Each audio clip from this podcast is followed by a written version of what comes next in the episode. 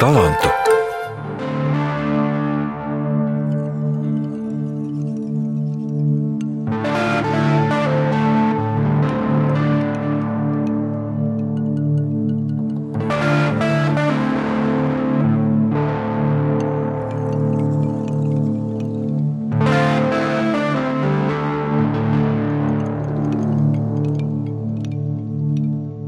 Lai spēcinātos, es noteikti klausos Led Zeppelin, piemēram.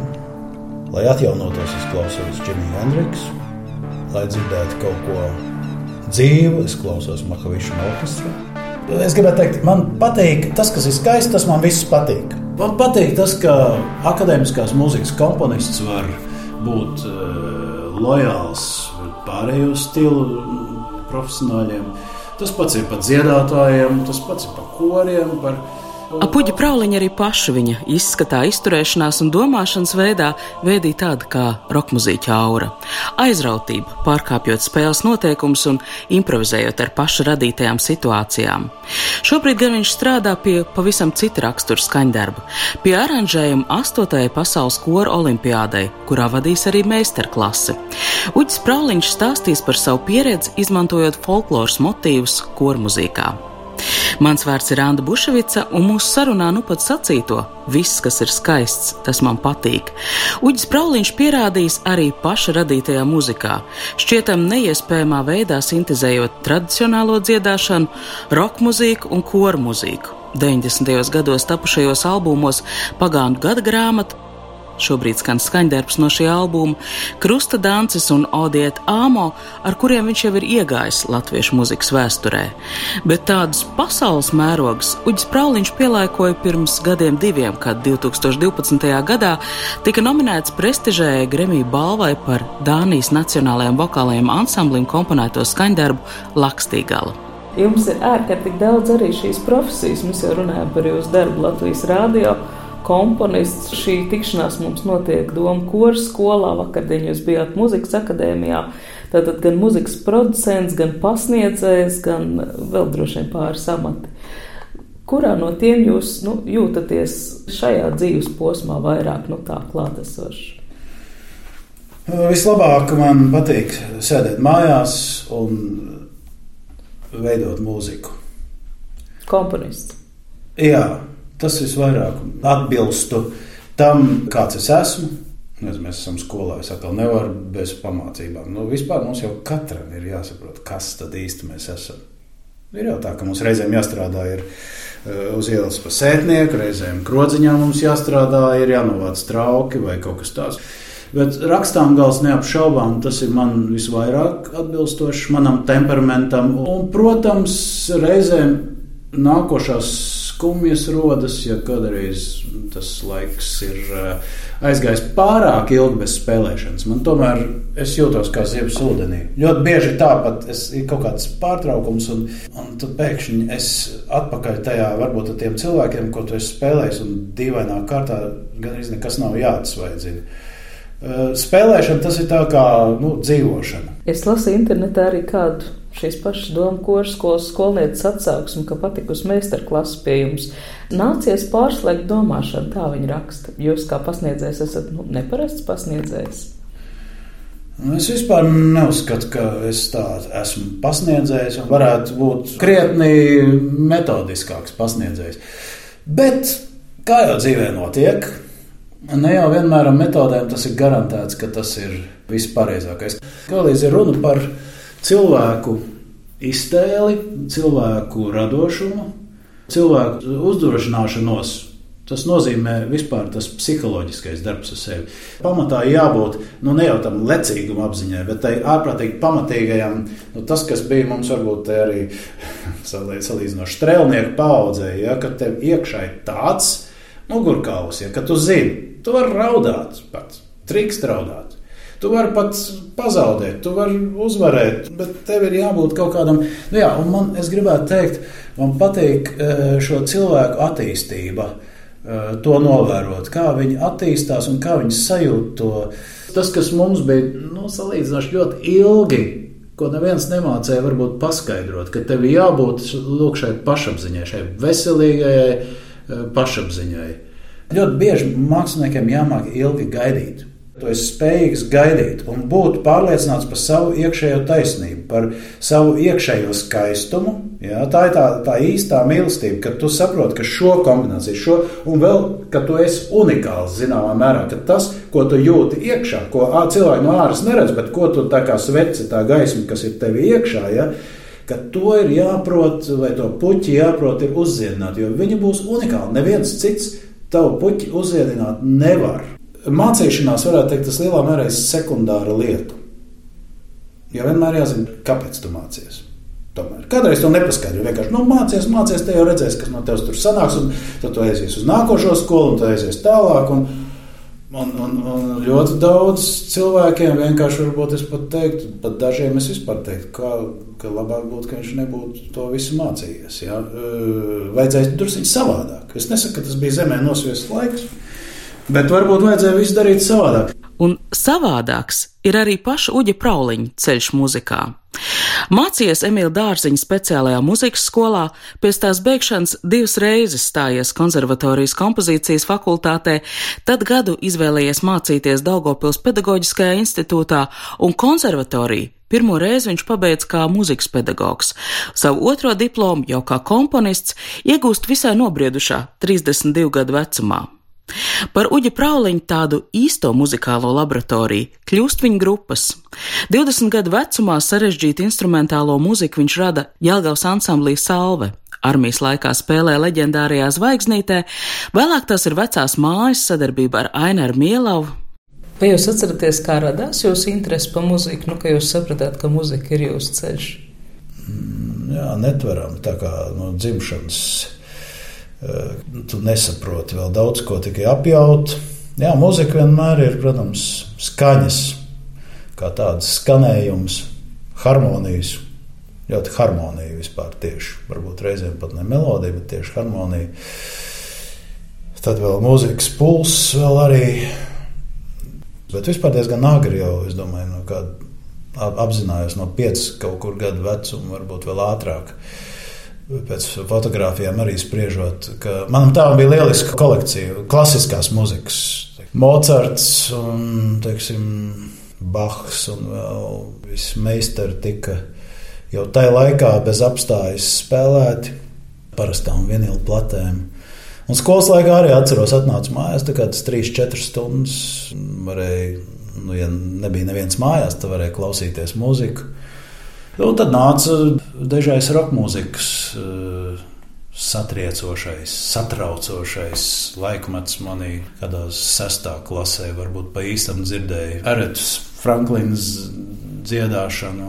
Dīvaini, ka es atceros, vienreiz bija par radio Led Zeppelin no pirmās plates laikam. Es nesapratu, tas bija druskuļi pa jaunu. Tas bija kaut kas tik spēcīgs un arī Džimija Hendriks. Es sapratu, ka tur kaut kas ir. Tas bija tik liesmojošs, tik, vai arī tik tieši zils. Jā. Bet burtiski pēc gada jau tad, tad viss parādījās vaļā. Tad, tad, tad bija šis spēks, šī enerģija. Šis, Jāteic, viss pirmoreiz darīts. Tas gan bija tas, kas ir pirmoreiz darīts. Tas, tas, tas nu, nu, ir enerģija visam mūžam. Bet atceries tādu sarmītu sīli, Jugo. Sākām vakaru, piekdienā, 13. datumā, 3. prognozē. Šajā vakarā divas grupas, vecās mājas un Odis, pirms brauciena koncerta turnīrā uz Dāniju. Bet es neizredzēju šo ierakstu. Viņi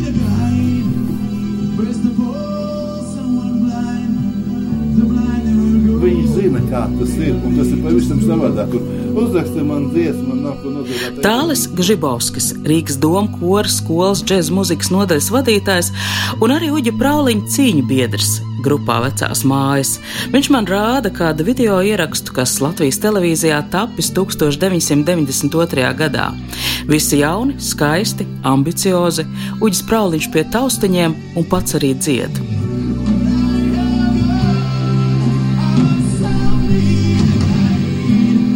Diezgan ilgi man balss vispār nevarēja neviens pieņemt. Es domāju par to sajūtu, ka cilvēks nu, pats dzied, tas ir pilnīgi savādāk savu muziku dziedāt. Jā, bet tā ir atkal atziņa, kas ir nākusi lēnām. Tā kā mēs sākam braukt pa Eiropu apkārt, tad, tad jau tā dziedāšana jau bija gan arī tā, visas tās četras stundas arī nodziedāja. Un tad tā balss pierod, un tad varēja gan parēkt un pakliegt. Un, un, un tā. Bet nu, tagad tas, tas jau sen jau vairs nenotiek. Tāds Gžibovskis lika 1992. gada ierakstu.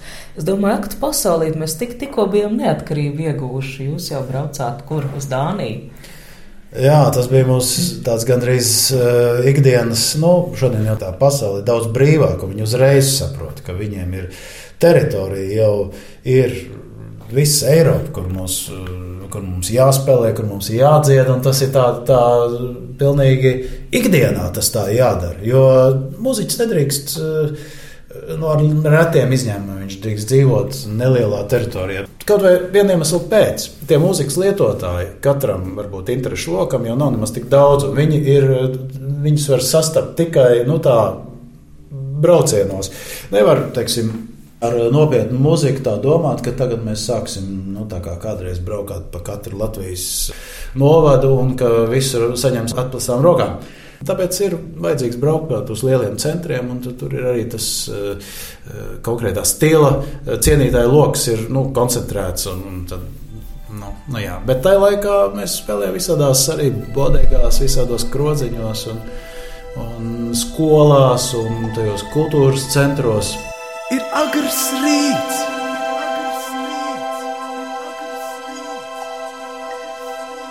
Karasa tīrs!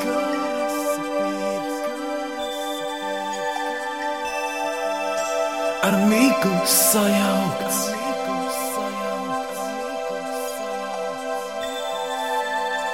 Kā ar pienu. Pa mums tajā pašā jūsu radiomājā arī smējās, ka mēs esam vispopulārākā no nepopulārajām grupām. Kāpēc? Nu, tāpēc, ka visi tie formāti nebija radioformāti.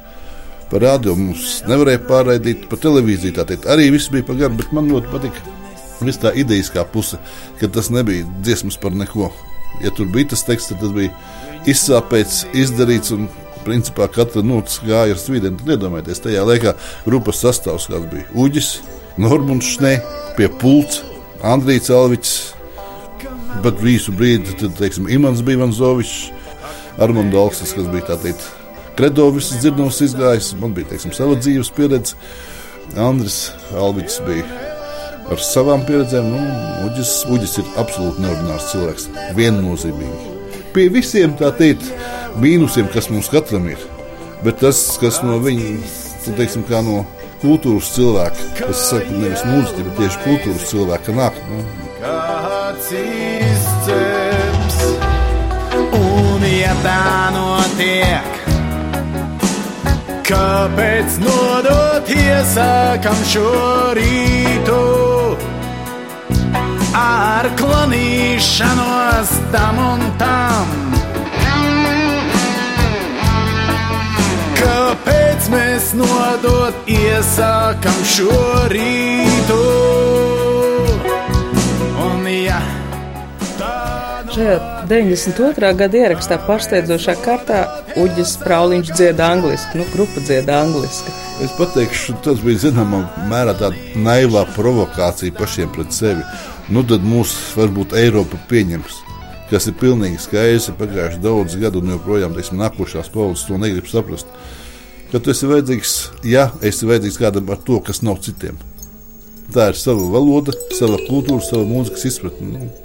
Zaļas iet zālītē, lieldienas rītā, baltā gāja māriņa baznīcā. Pagātnē gada grāmata, tas, tas teiksim, ir pirmais tāds mans albums, kurā apkopojās būtībā visas tās idejas, kas man nebija likušas mieru. Un, protams, ka arī Ainars Mīlovs un Jauns Mēnesis un nu, Ilģi, protams. Jā, tas tā Izstāstiet to priekšvēsturi, kā jūs satikāties ar Ilģiem. Jā. Bet es gribu teikt, ka tā viss ir tāda vienota, kā teikt, savienoto trauku sistēma, kurā tās idejas, ja katrs jau kaut ko atklāja, ja, un tad tu nopriecājies par to un, un sajūsminies par to un arī kaut ko pārņem no tā, un tad veido varbūt kaut ko savu. Un ar īļģiem, īļģiem pašā sākumā jau Ilga kādreiz man aicināja, jau studiju laikos, 70. gadu beigās. Tas tieši pēc salves, ka es biju nolēmis, tagad es ar roka mūziku izbeigšu.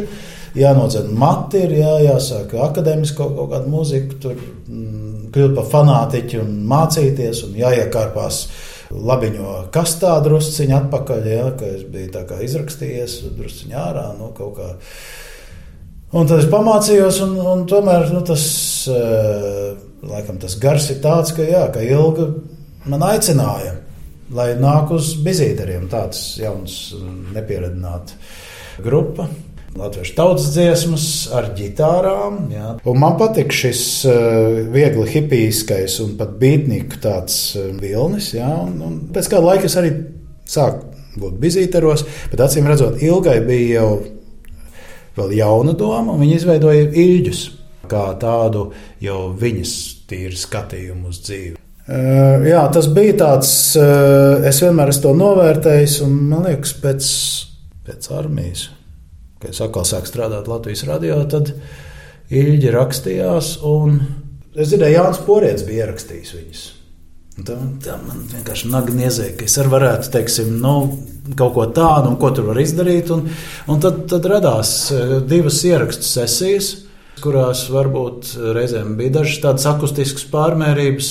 Tur visāds ar telpu bija arī eksperimenti, un ilgas balss vispār tajā laikā bija nozuduši. Laikam divi ieraksti, kur vienkārši ilgi iegāja telpā un nokliedzās divas sauciens. Jāsaka, tas man ir vispār etalons visas Latvijas mūzikas vēsturē. Ja, kā tas ir dvēseles sauciens, teiksim tās spēcīgās dvēseles, dušas sauciens. Tas ir tur visi nezinu, ģenētiskie kodi apakšā un, un visa vitalitāte tur iekšā. -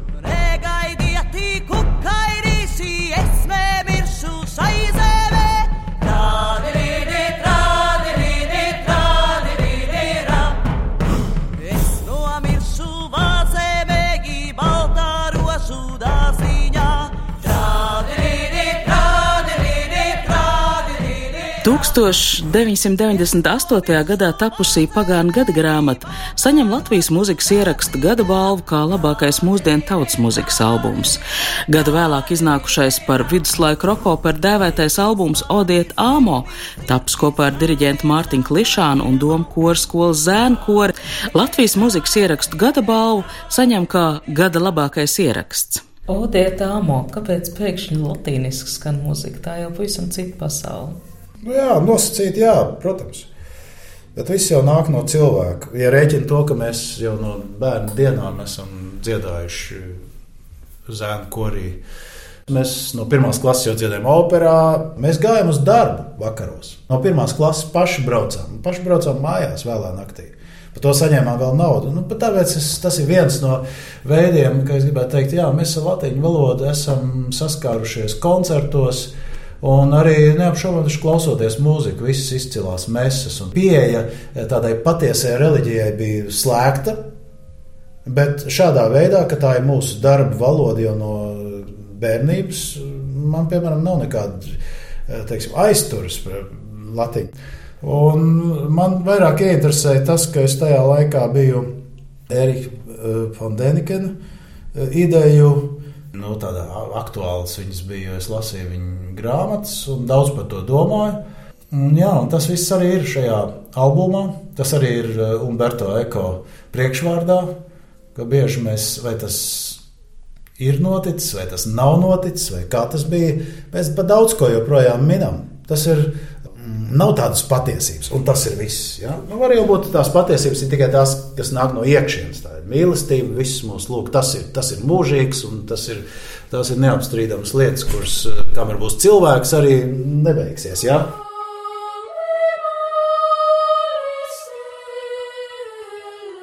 Es biju ļoti tajās pārdomās par pasaules iekārtojumu, ka man veidojās šāds koncepts latviešu valodā, tāpēc, jā, ka tur ir koris. Nu, kādā vēl valodā varētu, vēl varētu latviešu.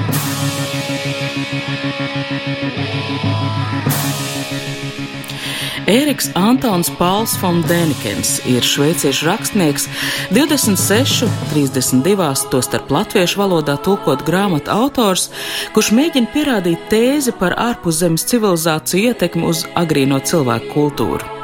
Un Uģis Prāliņš nav vienīgais mākslinieks pasaulē, kuru darbus iedvesmojušas Dēnikena zinātniski grūti pierādāmās idejas.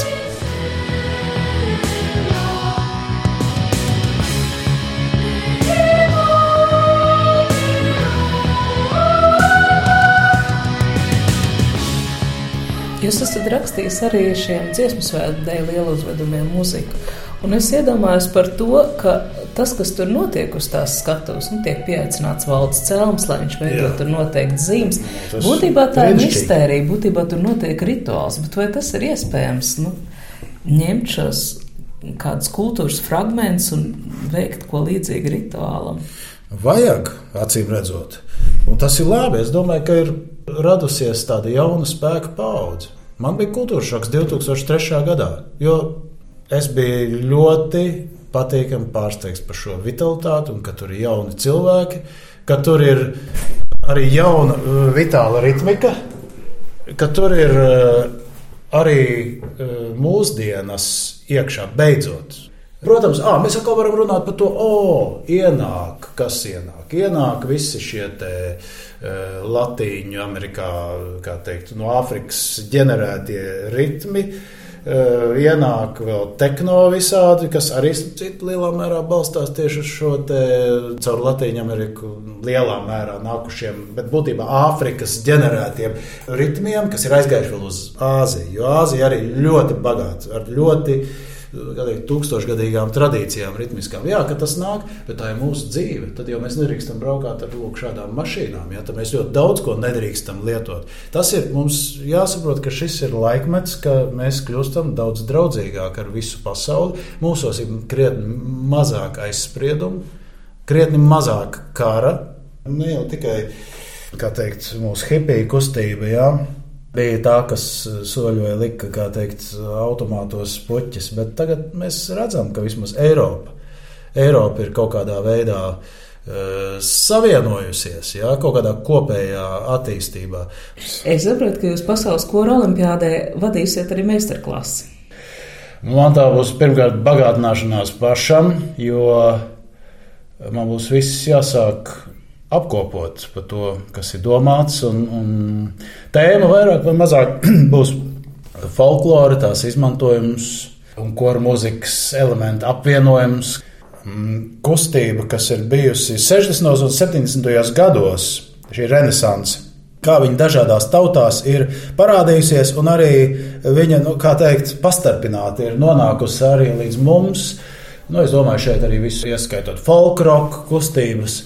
Un kā caur Franciju, caur Angliju, arī Ameriku noteikti ir ienākusi, un arī vēlākos gados Bulgāri visi šie ietekmes un jaunatklājumi. Tie visi ir ienākuši, jā, es viņus izmantoju. Tā, tā jau ir tāda sazarojusies lieta. Tas vairs nav tā vienkārši nu, folklore. Ja, nu, tas nozīmē, ka tur būs kaut kas viegli lumpā vai kaut kas deisks. Vai...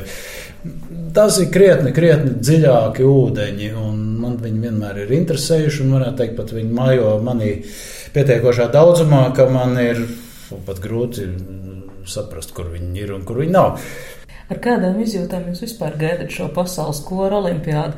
Es saprotu, ka pasaulē to koru veidu un tā skala ir daudz plašāka nekā varbūt mēs pat varam iedomāties. Droši vien, ja vēl mēs tagad, teiksim, ir ne tik vien gospel kora, šī brīnišķīgā tradīcija, kas saviļņo un, un ir tāpat dažādi amatieru līmeņi. Man ļoti patīk amatieru kori. Paskaidrošu, kāpēc. Amatieru kori ļoti bieži dzied uz visu emocionālo iztēles, ar redzējumu, ar tādu tiešām emocionālu dziļumu. Viņi to izjūt.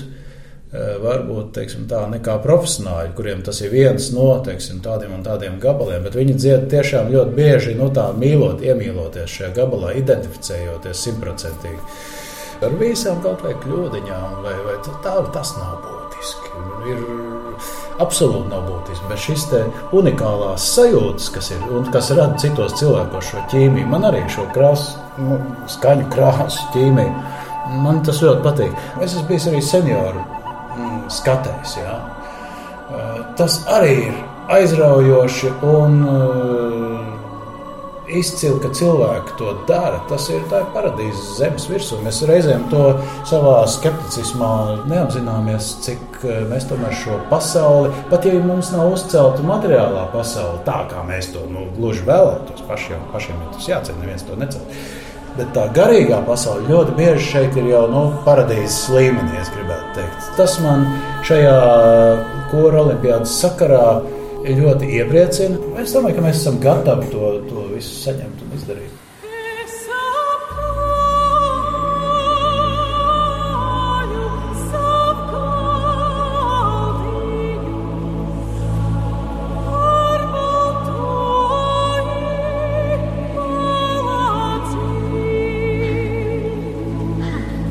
Ievas paršas solo skaņdarbs Dievainis.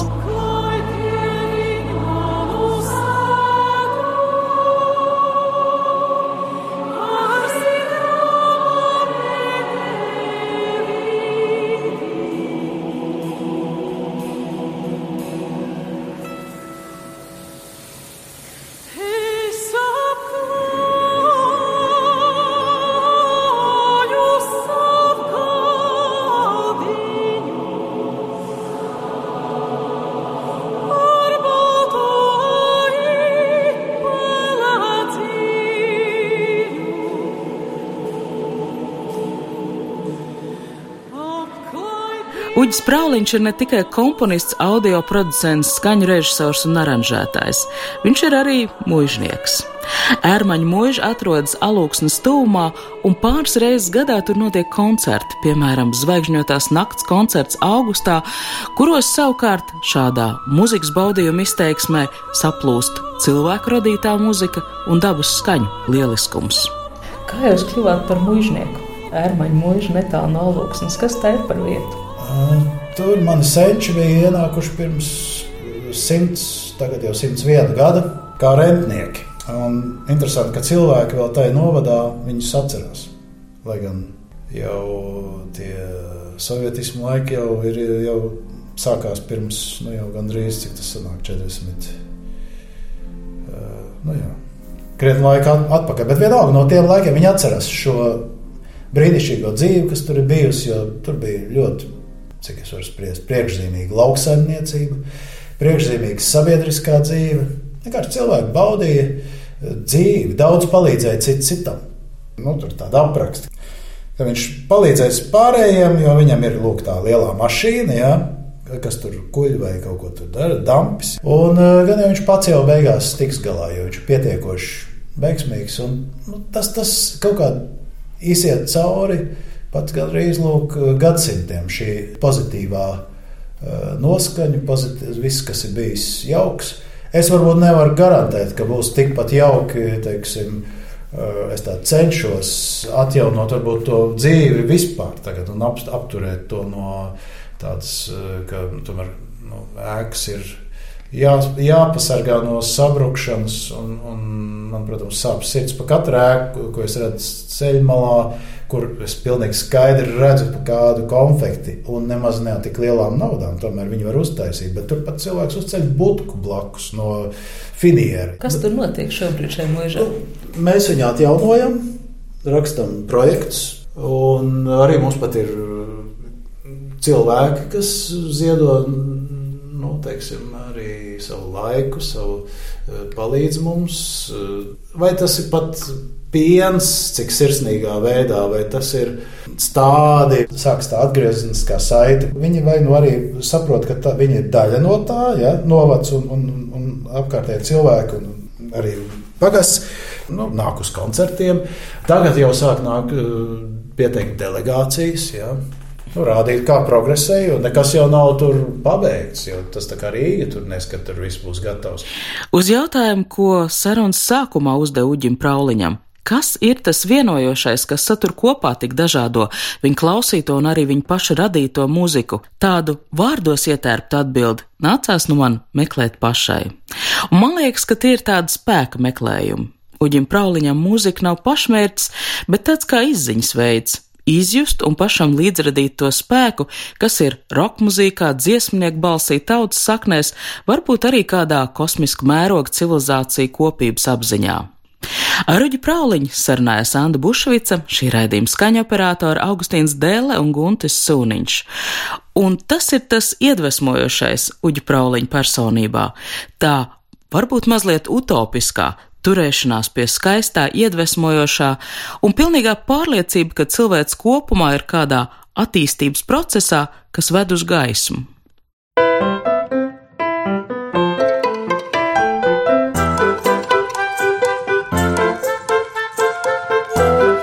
Viena Rīga, daudz talantu.